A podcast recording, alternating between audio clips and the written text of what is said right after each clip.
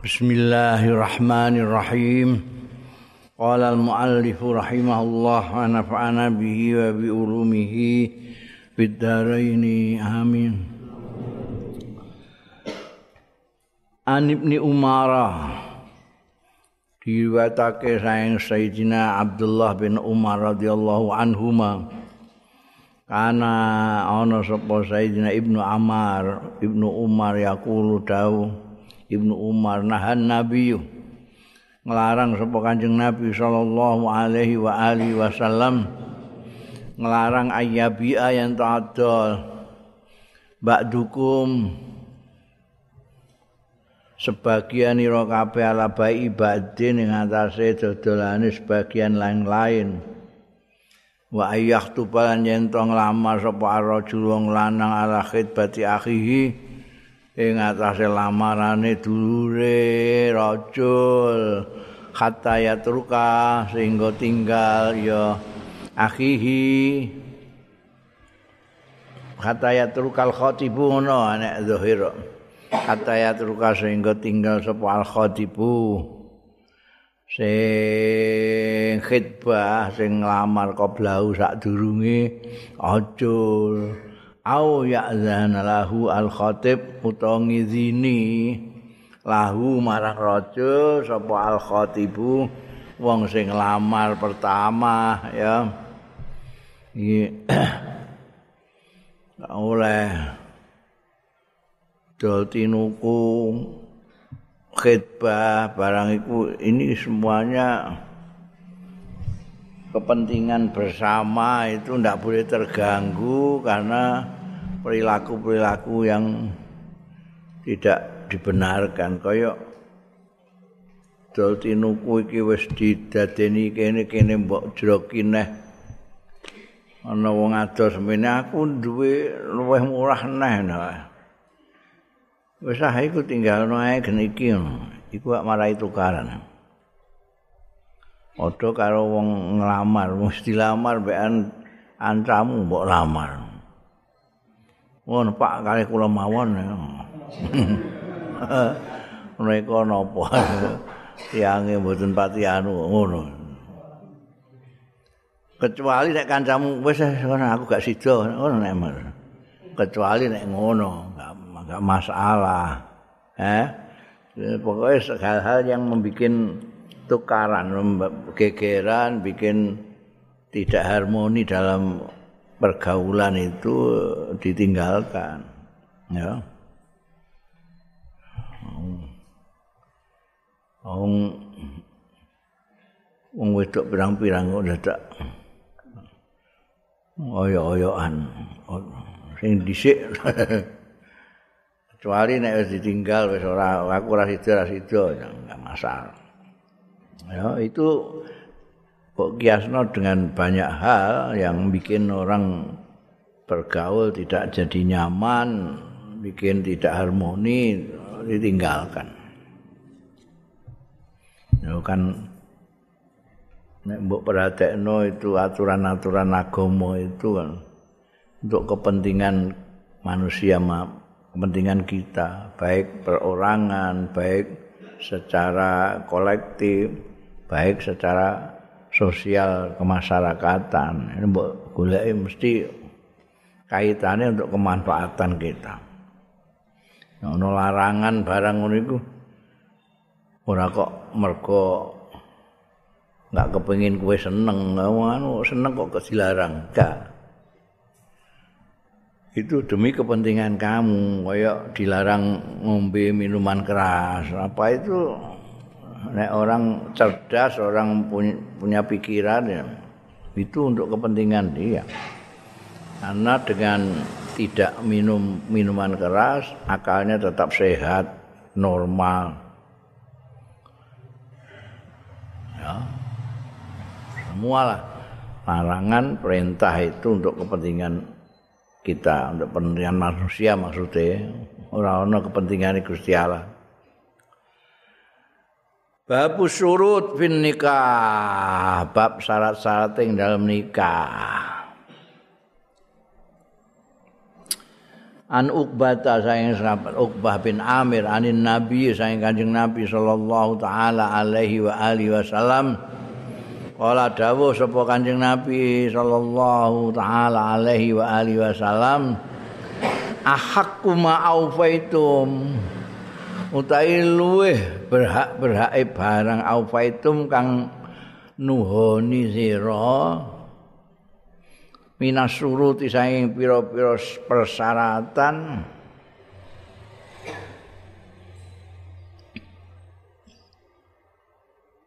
Iku antu wafu yen to nuhoni sira kabeh bi kelaman ma'afaitum nuhoni ma'is barang istahlaltum sing amril halal sira kabeh bi kelawan ma'al furuja ing pira-pira kemaluan.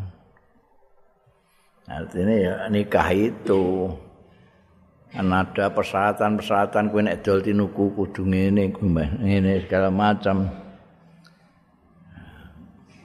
Nek kowe tang piutang persyaratannya gini gini gini. Tapi sing paling harus kamu perhatikan itu kalau persyaratan-persyaratan untuk nikah. ya nikah itu itu kan amrih menghalalkan furuj furuj itu jamaah farji ya jamaah farji itu enggak main-main itu menjadi halal karena ada persyaratannya apa syaratnya? Mahar itu anu wali sapi turute tapi yang penting mahar. Ya mahar itu ya kudu sing sepadan lah. Eh? Wong mahar kok. Ada waktu sholat jogelum kowe ora gelem nek ana sing Nung tetep no dhewe. Syaratnya aku kudu 50 yuta. ngono enggak usah sak pawe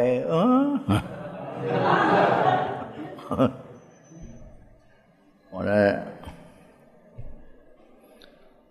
ono sing aku tau ngawinno wong iku mas kawine membacakan puisi.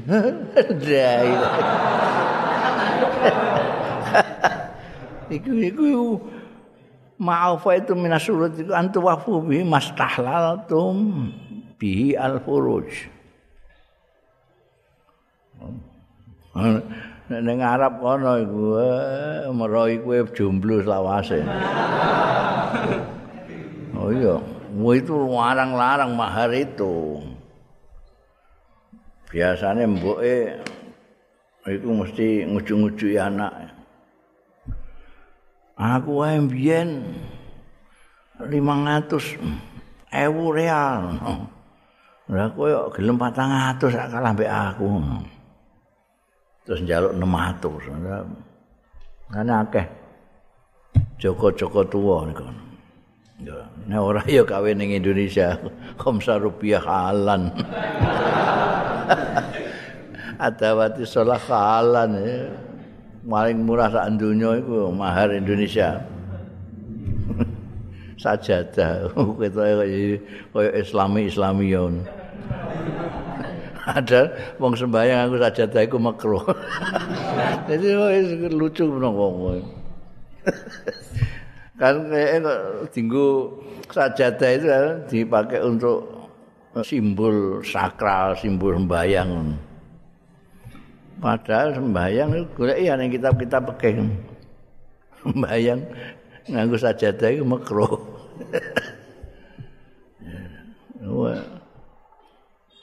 Di mas kawi ini sajadah. Ya. Mm -hmm. Wis gelem ya wis ngono sakar. Jarene sekadung cinta. kadung cinta ora dikaya apa-apa gelem pengono hadis ya rambut gak ada napa-napa kanjeng nabi hari-hari ya gak duwe boten nonton ahli-ahli besi. ahli-ahli besi alias sekrup.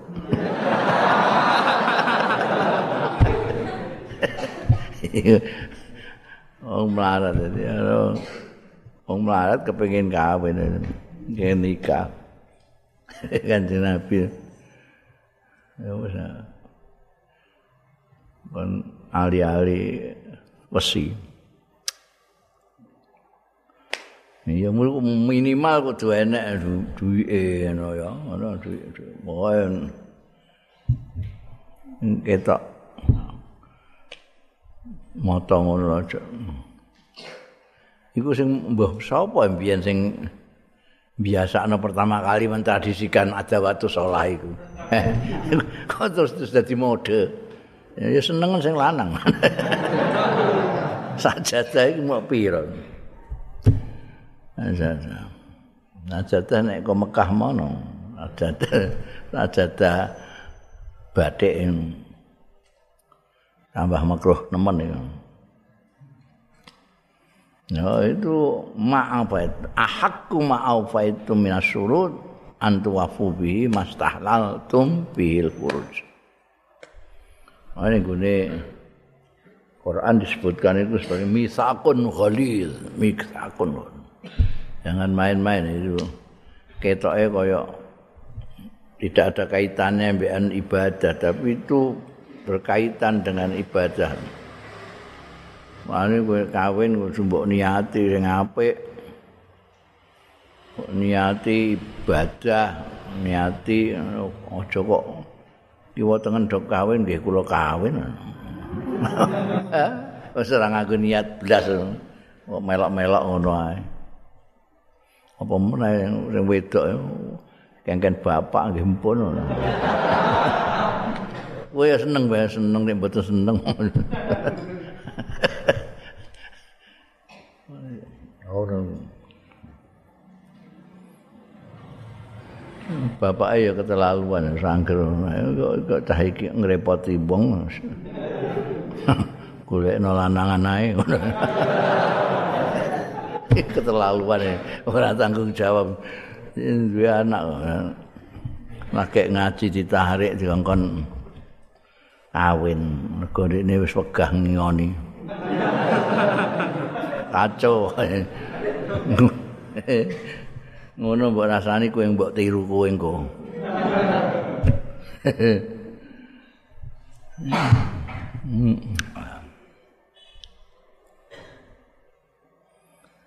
Babu surut alati la tahillu fin nikah. Bab syarat-syarat sing ora halal. Ya lati fin nikah dalam nikah. An Abi Hurairah ta riwayatake saking sahabat Abu Hurairah radhiyallahu anhu anin nabi saking Kanjeng Nabi sallallahu alaihi wasallam qala dawuh sapa Kanjeng Nabi sallallahu alaihi wasallam la yahillu ora halal imra'atin. Kedue wong wedok tas alu kang jaluk ya imra'atalaqa akhtiha. Ing megat dulure imra'ah. Litas tafrigha sahfat. Supaya ngentekno ngrasakno sahfataha. Ing piringi utaha. Fa innama laha ma qudira laha angin pestine lae kedue imro'ah ma barang kudira kan den tekdirake lah kedue imro'ah. Wah kaya sinetron. Yastafriha sab kata itu maksudnya piring dindekno ha? Dulure. Wis ah kowe kawin mbekan. Iku mbak yu ku wis ae wis ah. Saiki mbek aku. Ini ku piye bang bangkure mangan tapi piringe tak entekno. Kan ae akhil gak gak oleh imratin njaluk supaya dulure wedok ditalak ben ndekne sing nutupno eh iki kayak sinetron ini. Itu sudah ada takdirnya sendiri-sendiri ndak usah ndak. Baik njaluk ning gone lanangane ataupun njaluk ning gone Gusti Allah. Ya Allah Gusti mugi-mugi dipegat niku. Mangke kula pake kula. Iki gak oleh gak halal. Gak halal gak oleh ya gak oleh. Hmm. apa iku sana ketentuane? Fa inna ma quddiralaha fil azal. Iku sing istilahnya di kita namanya jodoh itu. Kabeh ku ana jodone dhewe-dhewe. Eh ana jodone dhewe-dhewe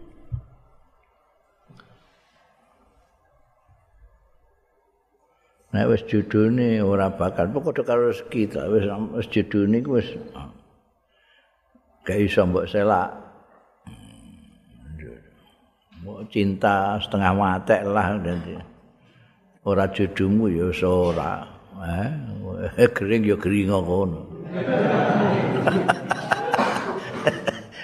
Menderita sak karepmu. Ora. Nah, Mulane sing enak itu oh kawin sik engko lagi menyintai itu sing paling enak. Aja cinta sik terus kawin iku iya nek kasilne ora. Eh? Keronto-ronto kowe nyonya nyanyi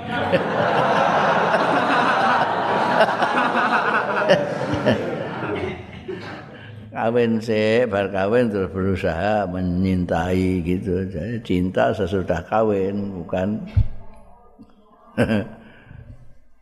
ben gak nongso itu caranya. Kayak wong kuno barang itu lah, wong kuno gak ada cinta-cintaan barang gak ada, langsung kawin ngono baru cinta. Bukti ini ya do kekal-kekal ngono. Eh? Anake ngantek 15 bareng. Padahal iku biyen ngono istilah elik. Elik bareng elik. Elik iku ya cara saiki ya ngambek lah. Mergo ya angger dijodohno mbek wong tuwa. Dadi terus elik. Nek turu terus madhep tembok ngono. Mergo gak elak elek itu dilokno tanggane ah dik biyen elak elek saiki anake rolas mergo cinta dalam perjalanan itu wah sing saiki ya wah cinta setengah mati ya pacaran nak berurte begitu kawin telung wulan ning senggone PA ngadilan agama tuntut tuntutan ya Allah. Iku inna malaha ma kutira laha.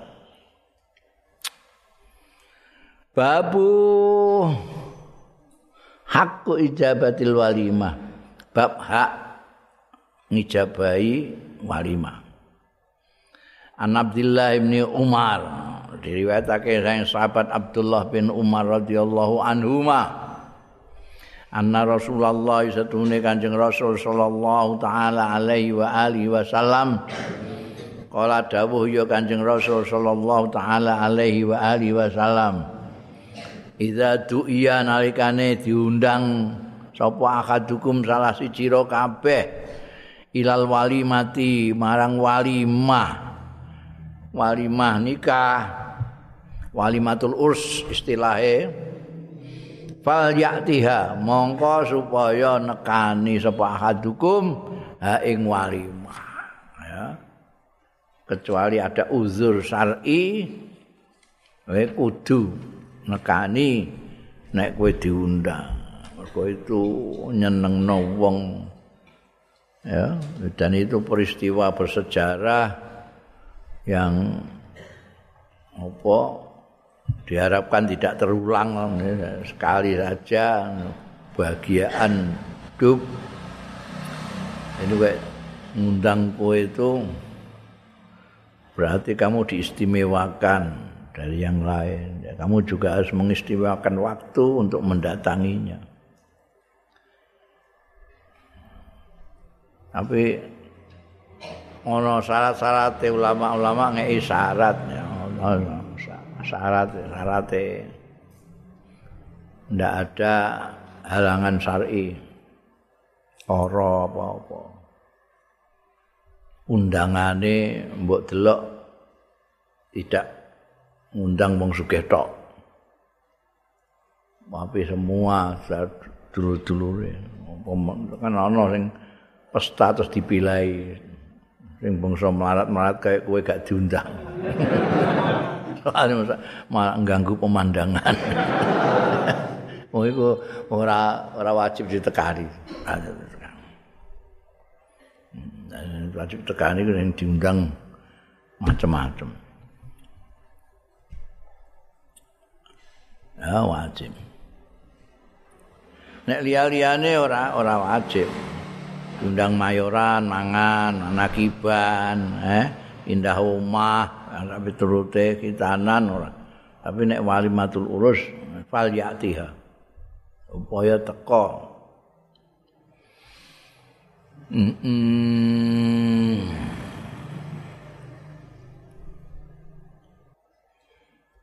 Apa maneh nek sing ngundang kowe wajib napa kowe wajib teko kanggo aja nganti ora tenan. Kumbien sing kenalno aku mbek wong tuane ya kowe ngono.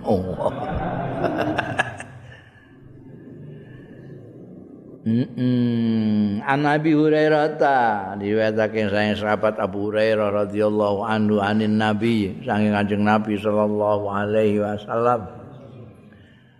Kala dawuh sapa Kanjeng Nabi sallallahu alaihi wasallam Laudu itu ila qura'in. Lamun diundang sapa ingsun ila qura'in maring qura' ora iku kikil kikil kikil iku sikile wedhus La ajab tu yakti nyembadani sapa ingsun walau uh dia ilayya lamun dia dia ilayya marang ingsun dia diake ilayya marang ingsun apa ziraun sampil lakopil tu yakti nampa sapa oh ada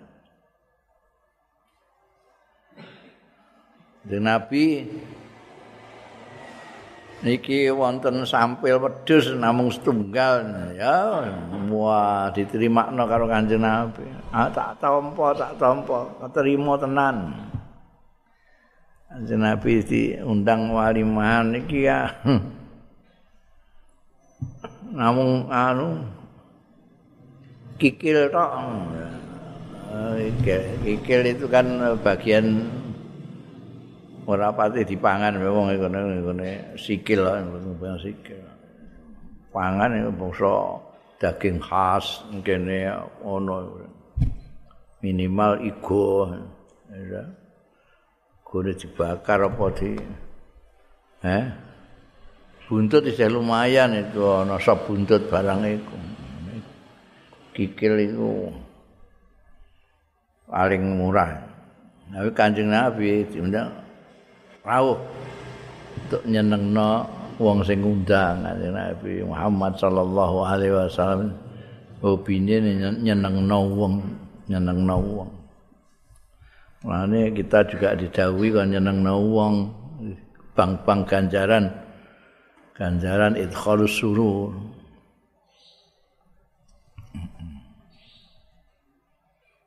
eh Babul mudarati ma'an nisa. Bab siasati ma'an nisa. Perlu ada perlakuan khusus terhadap wanita itu, mudaroh itu mengupayakan bagaimana supaya nisa itu baik. Mangsamu gampang ya? Wa anhu ai an Abdullah bin Umar aidon halimane anna Rasulullah satune Kanjeng Rasul sallallahu alaihi wasallam qala dawuh sapa Kanjeng Rasul sallallahu alaihi wasallam al mar'atu kadilai kaya dina igo igo melengkung. In akam taha lamun nglempengno sing jejeg jejegno sira nglempengno sira ha ing mar'a kasar taha mbok iso tugel. Pecah. Tugel. Ya mar'a wa in. Amun membiarkan. Mbak anggap enak ya. Yes. Ngene wis kepenak ora usah diapa-apakno. Istam tak biha kelawan mar'a ya istam tak mongko iso ngalap suka sira biha kelawan mar'ah. Wa fiha lan iku ing dalem mar'ah iwajun utawi bengkong. Eh? Kowe kepengin duwe bojo sing lempeng apa sing bengkong? Nah, wedok iku ibarate igo. Konon ketika lahir itu dia ambilkan salah satu igone Nabi Adam. Mulane melengkung bengkok. Gijejekno mbok paksa coklek. Ngono coklek. Nek mbok jarno ae wis sampun ngeten-ngeten lah pun ya ya terserah kowe. Nek kowe mbok jarno mbok bengkok-bengkok lah. Ya kono. Tapi nek kowe menjejekno, nah carane pun dicarane. Ya mudah Piye? Kayak ilmu kolte. Ini kayak apa? Panggang wek geni. Eh, online. Ilmu kolte nah. Jempuk enak no coklat ngomong. Ini. Om itu iku ngono. Kayaknya sampai kok mbok kerasi coklat. Mbok jarno ya tetep tetep ngono iku. Ndek gak berubah. Mbok jarno gak berubah. Iya nek kelakuannya sifatnya cocok mbek kowe ya ndak masalah. Nek ora cocok mungguing wong akeh misale. Lah kowe ora mbok upayakno ya wis ngono terus ya. Diniati untuk ganjarannya sabar ngono ae. ora kayak pilih kowe iku milih. Bojomu iku tetep bengkok. Dengan risiko kowe kudu mangan ati terus. Tapi untuk ganjaran nek kowe sabar. Iku pilihan satu. Pilihan kedua kowe iku mau. Kayak ilmu kertik dipanggang mek genis sesuai jadi jejak mbok telateni ya. mbok telateni sampai akhirnya lurus pilihannya dua Kowe gak sabar ya coklat tenan. Ah, dawuh Kanjeng Nabi itu. Antik sekali ya. Memisalkan dengan uh, ego. Babul wasaya bin nisa. Bab wasiat wasiat bin nisa kelawan wong wadon-wadon. Wa anhu lan saking sahabat Abdullah eh sahabat Abu Hurairah. Sahabat Abu Hurairah aidon halimane anin nabi saking Kanjeng Nabi sallallahu alaihi wasallam.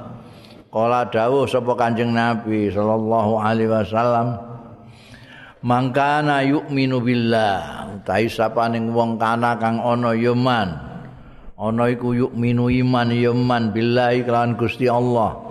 Wal yaumil akhir lan iman kalawan dina akhir. Fala yu'zi jarahu. Mongko ora kena nglarakake sapa man jarahu ing tanggane man? Wastausu. Lan mempergaulono sira binisa iklawan wong-wong wedok. Memperlakukanlah kalian semua. Memperlakukanlah kalian semua binisa iklawan adon-wadon khairan yang bagus. Fa innahunna mongko setuhune nisa iku khulikna dititahake ya nisa mindil in rangking iko wa inna awaja sain setuhune luweh bengkok-bengkoke sesuatu fiddil ing dalam iko iku a'lahu sing paling dhuwur iko sing paling dhuwur dhewe. Fa in dhahabta tukimuhu kasar tahu mongko lamun tumandang sira tukimuhu tukimuhu arep nglurusno jejekno sira ing dilin sing kasar tahu mongko nuklek mecah sira ing dilin tapi wa in tarok tahu lamun ngumbarno sira ing dilin ya lam yazal awaj mongko ra gingsir gingsir ya dilin ora gingsir gingsir iku awaja tetep bengkok. Pas tausu mongko memperlakukanlah kalian semua binisa ikan wadon-wadon khairan ing bagus ya. Jadi kita itu harus sabar harus telaten harus apa jenenge? Memperlakukan wanita itu iku mau mergo dilin awaj kok kaitannya me, apa membersamakan kanjeng Nabi itu antara izaul jarin. Jangan sampai orang mukmin, orang yang iman kepada Allah dan dino akhir itu jangan sampai menyakiti tetangga. Menyakiti tetangga. Gotonggo itu penting banget. Dia tempat pusat informasi. Kadang-kadang dulure durung krungu, tangga wis krungu. Kowe gak tilik dulurmu. Lho kenapa? Ning rumah sakit kok ngerti, aku sing ngeterno. Jadi yang memberitahu tangga. Ana tamu kentekan gula sing ditatap ya tangga. Dek aku utang gulane sithik ana tamu. Gulaku entek. Masa ana tamu entek gulane WA dulure ning Jakarta. Itu tonggo. Jadi sing apik mek tonggo. Tonggo sembarang tonggo, tonggo ora peduli Jawa, Cina, Arab, agamane apa pokoke tonggo kudu apik. Iki biyen tangganan karo Pak Mardi nganti sak anake sak anake iku. Pak Mardi itu Katolik. Enggak pernah ada masalah sama sekali. Ya ono ya ini nganti entek ludes keluargane. Enggak pernah ada masalah. Pak Indarto ditakoki wartawan-wartawannya kita erotok manas-manas sih. Gimana rasanya tempat tinggal bertetangga dengan pesantren. Warepe ben jawab ini ben piye ngono. Jawabannya Pak Indan, wah aman sekali. Oh enak sekali.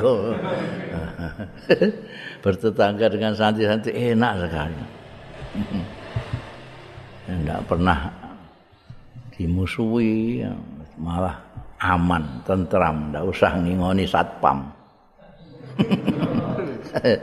satpam ya menjaga keamanan pesantren. Ku tangga, Bar tangga terus kan ngapiki wong wedok wong wedok mbok gak apiki kowe apik karo tangga bojomu ora lah tabrakan meneh mek dawuh Kanjeng Nabi kan apik. Ini wong wedok yang gue geran ramene ra karuan. Ya. Mulane di perlakuan yang baik sing bojomu di warai sing apik. Wangel terus ya. Ya mesti angel itu. Ego Ndik niku iku bagian atas. Angel. Nek mbok paksa ya tugel. Mbok paksa tugel. Nek mbok jarno ya tetep bengkong ngono kuwi. Tapi ya disabari ditelateni pas tau sun nelatenono ben nisa iklan kairan. Telateni. Iku mau nek apa metaforane simbolnya itu dikai lengo kletik dipanasi geni engko sesuk kenceng ini nyatane ya akeh sing dadi apik kadang-kadang masing lanang sing jika nek nopo ditelateni karo sing wedok. Sing lanang sing malah enggak genah Babu saumil mar'ati tatauan bab posone wong wedok tatauan sunat. Ora ora ora bakas Ramadan iki. Poso tatawu tatawu iki poso sukarela poso sunat. Wa anhulan saking sahabat Abi Hurairah aidan halimane anin nabi saking kanjeng nabi sallallahu alaihi wasallam. Kala dawuh sapa Kanjeng Nabi sallallahu alaihi wasallam, la tasumu. Ora kena poso sapa almaratu wong wedok wa ba'luha syahidun. Wa ba'luha khalil tawi bojo lanang suaminya mar'ah iku syahidun ana. Di rumah nyekseni. Nang omah. Illa bi iznihi kejaba kanthi izine bakluha. Ya rantuk kowe poso sunat terus kowe poso karepmu dhewe. Aku ajeng bayar utang.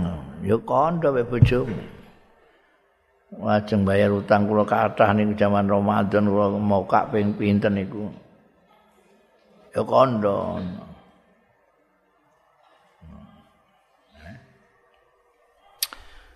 Nek ora kandha gak oleh. Latasumul mar'atu babak luwa syahidun ilang.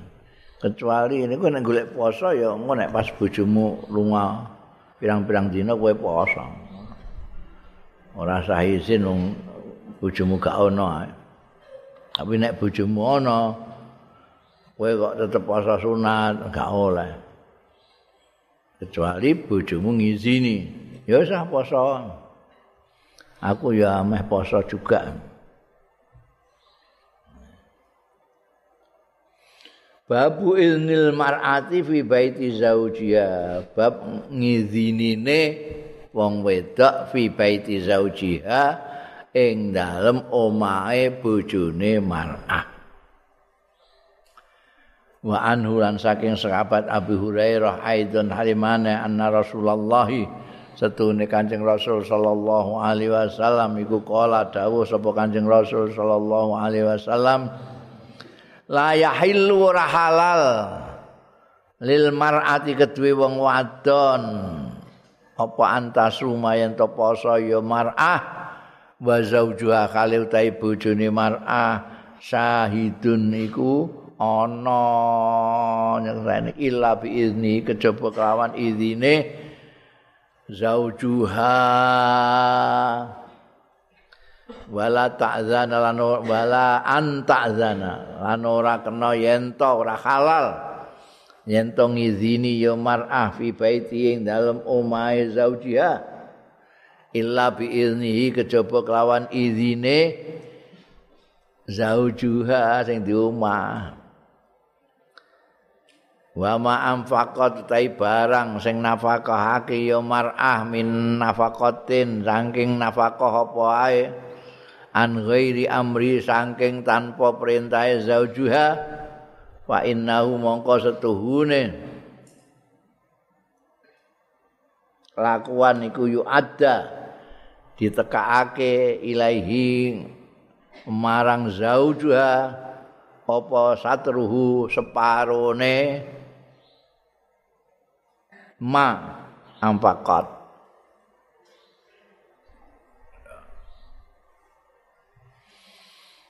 Wah, lah niki kok bangsa wong lanang sing kuwasa. Lho, piye?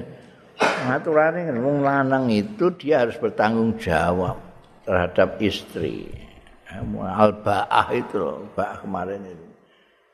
Nek wani duwe bojo kudu wani ngingoni bojo. Bojo melok kowe mbok kon manut kowe tapi kowe gak ngingoni karepmu dhewe.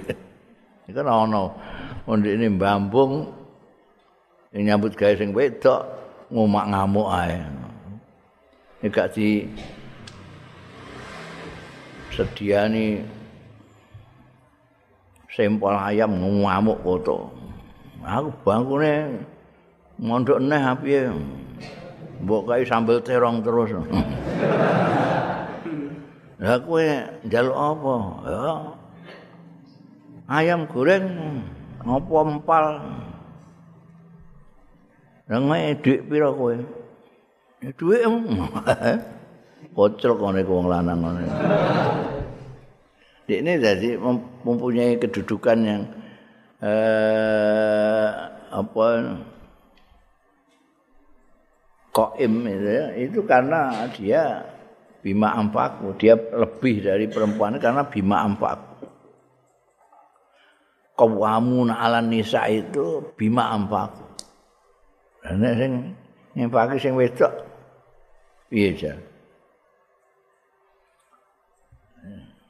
Mane ini tembungnya layakhil lil mar'ati antasuma wa zaujuha syahidun.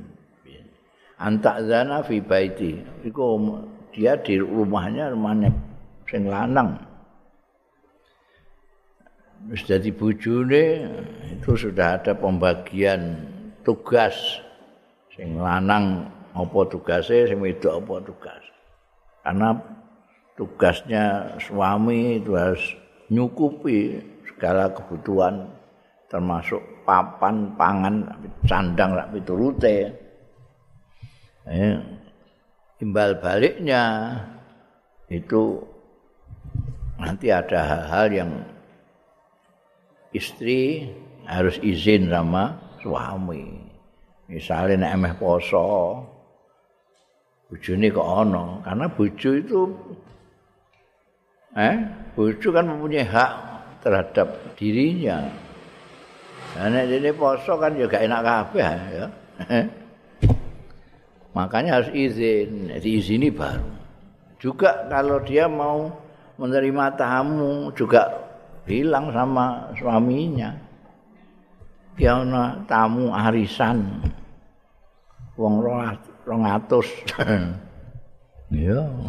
Nek sing lanang muni iya ya enggak apa-apa. Itu antak zana fi baiti, ora kena ngizini di, rumahnya suaminya tanpa izinnya suami. Ya. Nek ndekne nginfakno sesuatu biasa to wedok iku kadang-kadang lumane ra karuan ya. Ya apa-apa diinfakno. Nyah nyah anu sangu dong. Iku ganjarane separo iku kanggo sing lanang. Mergo iku duwike berasal dari sing lanang. Ngono. Nek duwit-duwit dhewe ya ora. Nek ning gone Arab itu wah dinas banget. Mas kawine dinas. Harus diberikan nek muni halan ya kekno kabeh. 500 juta halan kan. Ono mergo ana sing taksiton. taksiton itu cicilan, dicicil. Ono sing ora pati duwe kan dicicil. Dicicil marroten misalnya taksi marroten Jadi dicicil ping mindo. Enggak apa-apa. Nah iku gelem.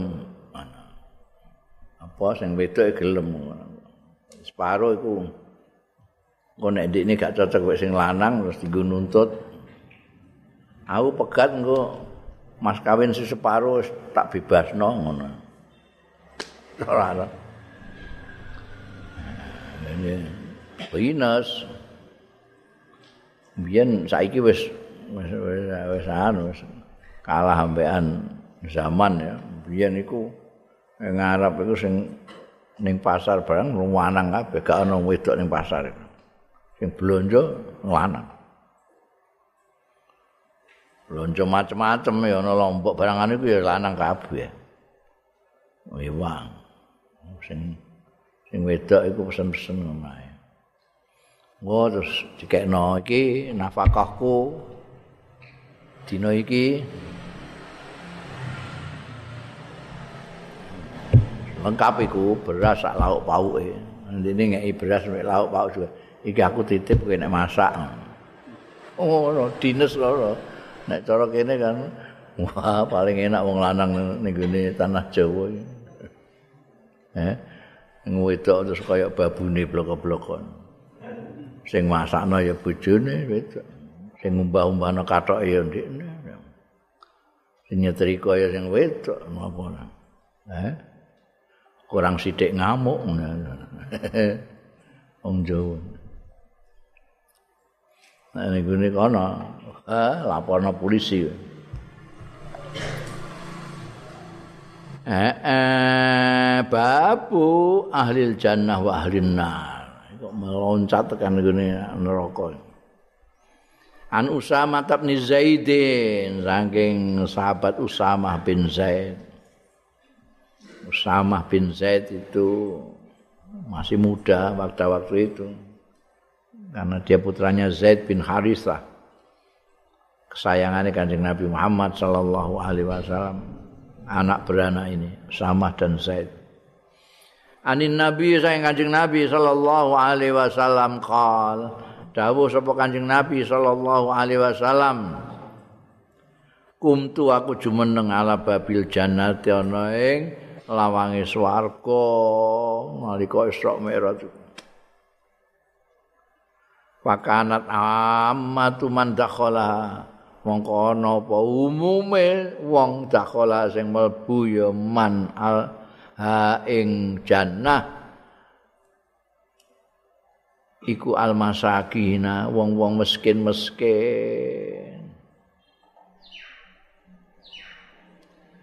Wa ashabul jiddil utawi wong-wong sing duweni harta sugih lah. Duwe kecukupan. Iku mahbusuna isih do ditahan kabeh.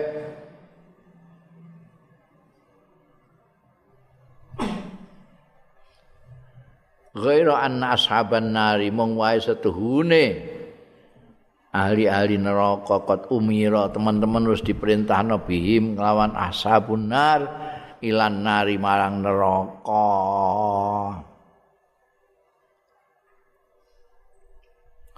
wa kumtu an ngadeg sapa ing tenalan nari ngatasé neraka faizan monggo dumadaan amatu man dakhala. Tayu umume wong sing mlebu. Ing neraka iku anisa wong wedok-wedok. Ya Allah. Hmm. Jeng Nabi ini gini, Aiko peristiwa istimewa ini gini alam yang lain itu nah delok swarga ditudono swarga ditudono neraka sak piturute. Nggone jadi alam sebelum terjadi oke itu dipertunjukkan pada kanjeng Nabi Muhammad sallallahu alaihi wasallam. Ibaratnya nek perfilman kanjeng Nabi iki ditudono skenario kanario ne wong ning akhir cerita. Ini skenario kan ana akhir cerita ana awal cerita tengahane cerita sak piturute. Ning gone akhir ngono. Wong wong-wong do giring ana sing rono ana sing rene Kanjeng Nabi ndelok sing ning swarga. Swarga iku delok iku wong mlarat-mlarat sing akeh. Eh, wong miskin-miskin sementara sing sugih-sugih iku sah ngantri ning lawang antri ditahan ngenteni hisape gak barbar. Kabare antri ini ngantek 100 tahunan. Iki sing padahal sing mlarat-mlarat sing juri swarga. Sing swarga. Sing suke-suke iki ya padha-padha islame padha pemungine tapi ini suge. Iku antri saya mahbusun. Soalnya nek wong melarat kan banyak pertanyaan. Kisape mau enteng.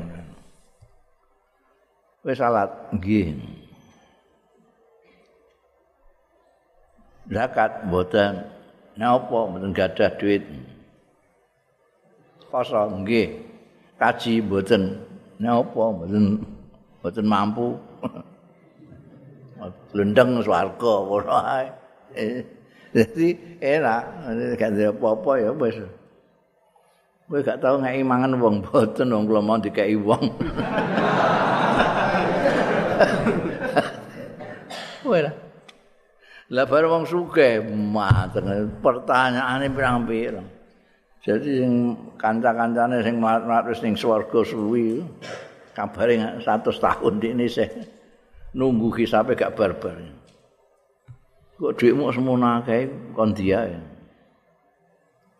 Wonten sing dagang, wonten sing maklaran, wonten sing anu politik-politikan. Terus zakat piye zakat? Zakat takon. Ditakokno asal usule duwike, terus zakate, terus perhatiannya terhadap fukorok masakin, anak yatim, tak pilih tua kok mendidil. Tak kok kaji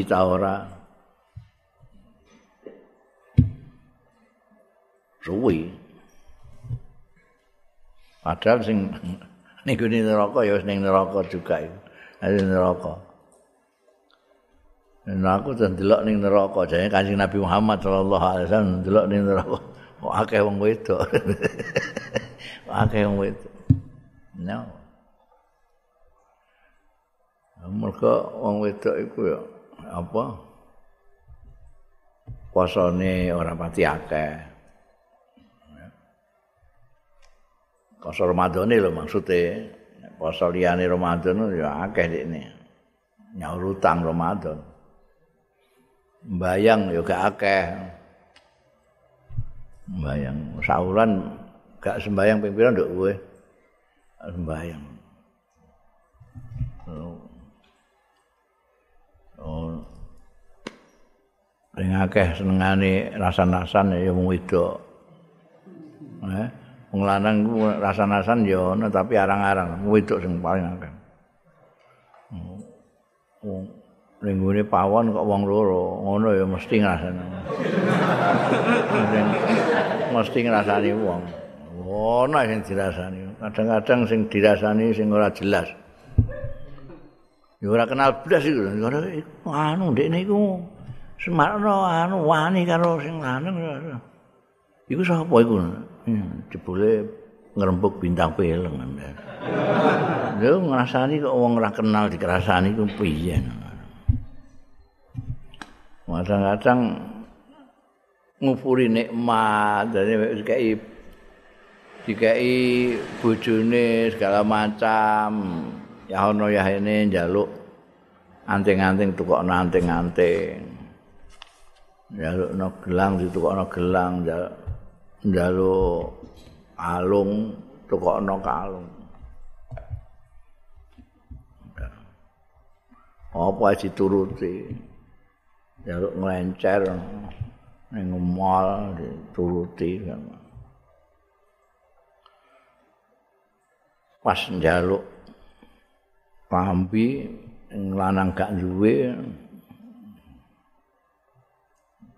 saiki aku durung di ah sing lanang sing ngono iku ora gak tumon aku gak tahu iku aku njaluk kambi ngono kok gak dikeki aku gak tahu njaluk Jaluk kok gak tau, ndek bojo ya ana ya ene jaluk ya belas ora tau aweh. Ora. Iku ngupuri nikmat nemen.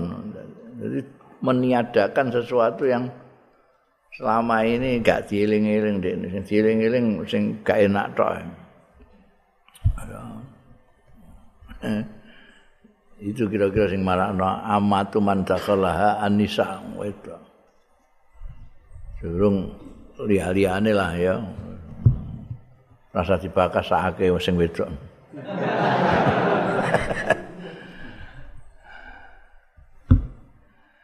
Qala sallallahu alaihi wa alihi wasallam dawuh sapa Kanjeng Rasul sallallahu alaihi wa alihi wasallam iku gak ana sapa sing riwayatno iki piye. Inna syamsa wal qamara ayatani min ayatillah la yakhsifani li mauti ahadin. Setuhune srengenge lan rembulan. Iku dua tanda min ayatillah saing tondo-tondo kekuasaan Gusti Allah. Layah sifani ora grahono karone limauti akadin krana matine seseorang. Wah iki anune kanjeng Nabi wafat iki terus jadi grahono enggak. Wala li khayati la li mauti ahadin wala li khayati lan ora krana uripe seseorang. Wo iki bayi lahir anu istimewa. Enggak dia hanya tanda keagungan Gusti Allah taala. Ora karena kematian seseorang bukan karena hidupnya seseorang Terus pundi fa idza raaitu mongko kalane ningali sira kabeh dalika ing mengkono-mengkono graono fadkurullah. Mongko zikira sira kabeh linga sira kabeh ing Gusti Allah taala. Kalau pada matur ya sahabat-sahabat ya Rasulullah, duh Kanjeng Rasul, ra'ainaka ningali kita kaing panjenengan tanah walta kados demek panjenengan anawalta iku menyentuh panjenengan saean ing sesuatu fi maqamika ing dalem panggenan panjenengan menika. Fi maqamika hadza tengene panggenan jenengan iki mau kula tingali kok. Kita melihat semua jenengan katoke kok kaya menyentuh sesuatu. Sumara ainaka takak kata lajeng mongko nuli keri-keri ro ainaka ningali kita sedaya ka ing panjenengan takak-kakta mundur panjenengan. Mboten sios maksude takak-kak mau kita menyentuh sesuatu kok narik kembali. Pakola mangko dawuh sapa Kanjeng Rasul sallallahu alaihi wasallam ngene lho ini raaitu sak temene ingsun iku raaitu ningali sapa ingsun? Al jannata ing swarga. Aku roh swarga. Fatana waltu. Mongko menyentuh sapa ingsun minha saking jannah. Ungku dan meta petik ungku dan iki dompolan ya. Mbah dompolan anggur dompolan kurma dompolan walau akhatuhu namun kok ngalap sapa iki kok tak jikuk mau tak demek iki mau. Mek kok tak jikuk ngono lau akhatuhu amun jupuk sapa ingsun hu ing ungkut mau la akaltum wah yekti kowe iso melok mangan kabeh minhu saking ungkut. Mabaki mabaki ati dunya selagi ini tetep apa dunya. Wis rantek-entek. Wong pakanan ke swarga itu tidak pernah habis. Jadi kalau kamu makan, dia berkembang menjadi makanan itu lagi, tapi dengan rasa yang nikmat yang lain. Oh, terus. Jadi kok ibu mamanya tak gawa. Kos warga mau ana dompolan tak gawa, tak wena kowe kuangan nganten kiamat gak entek-entek. Wa ra'aitun nar. Lan ningali sapa ingsun anara ing neraka palam aro mongko lan ningali sapa ingsun kal yaum kaya dina iku. Apane mandoron pemandangane kotu babar pisan. Mengerikan sekali. Wah as masyaallah. Neraka iku jebule ngono. Waro itu lan ningali sapa ingsun aksara ahliha. Ing luweh akeh-akeh ahli neraka iku anisa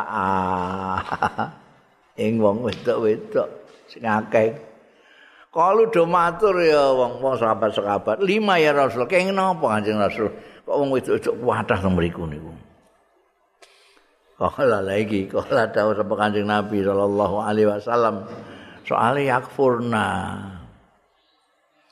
Do ngufuri wong wedok-wedok iku. Kila diaturake yakfurna billah. Napa sami ngufuri wong wedok-wedok sing teng neraka niku billah iklan Gusti Allah. Kala dawuh sapa Kanjeng Nabi sallallahu alaihi wasallam. ora kok ngufuri Gusti Allah gak tapi yakfurna ngufuri al asira ing bojo yakfurna itu ngufuri itu tegese tidak berterima kasih tidak pernah bersyukur. Karena kufur itu kosok wang sulit syukur. Nek kufur berarti ora syukur. La in syakartum ma'azidannakum wala in kafartum kebalikannya syukur. Gak di syukur wong wedok iku ning gone bojone. Sing akeh ngono fayak furnal ihsan. Ngufuri tidak nerima no ya yakfurna itu tidak nerima no tidak nyukuri ya nisa al ihsana ing perbuatan baik. Diapi ibarang gak diterima no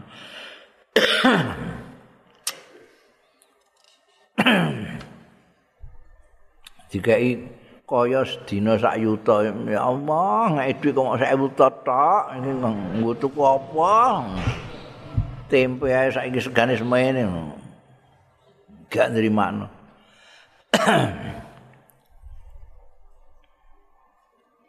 lau ahsanta. Lamun bagus sira ila ikhdahunna. Marang salah sijine nisa adhara ing sawas-sawase sepanjang pergaulanmu dengan dia itu kamu api terus saya Sumaroat mongko keri-keri ningali ya ihdahunna. Mingka saking sira saean ing setitik nah sesuatu yang tidak cocok karo ini. Qalat mangko ngucap sapa ihdahunna? Maro itu mingkah khairan qattu ora ningali sapa ingsun mingkah saing sira khairan ing bagus qattu babar pisan. Ora iku gak nrimakno ya ana ya ini apiki macem-macem eh? Wah mbok cukupi kebutuhane segala macem. Nah, itu engkau nek ora cocok sithik ndelok kowe kok ora bener sithik ngono. Wah wis. Ngomong aku aku gak tau tumon kowe apik sithik ngono mbek aku gak tau. Lah ya ya ono ya ini ku apa? Gua anggap gak tau ae. Hmm. iku sing marakno iku. Yakfurna al ashir al ashir Mane kowe nek gak termasuk ning amatu nisa nar iku kowe ya, Nduk. Sing ati-ati kok aja ngantek ora nrimakno. Nek pancene nampa kebaikan ya di matur nuwuni. Ngono sok gelolah iku ya terus nglalekno sing apik-apik sing wis-wis. Babu karohiyati Dur bin Nisa Allah wa alam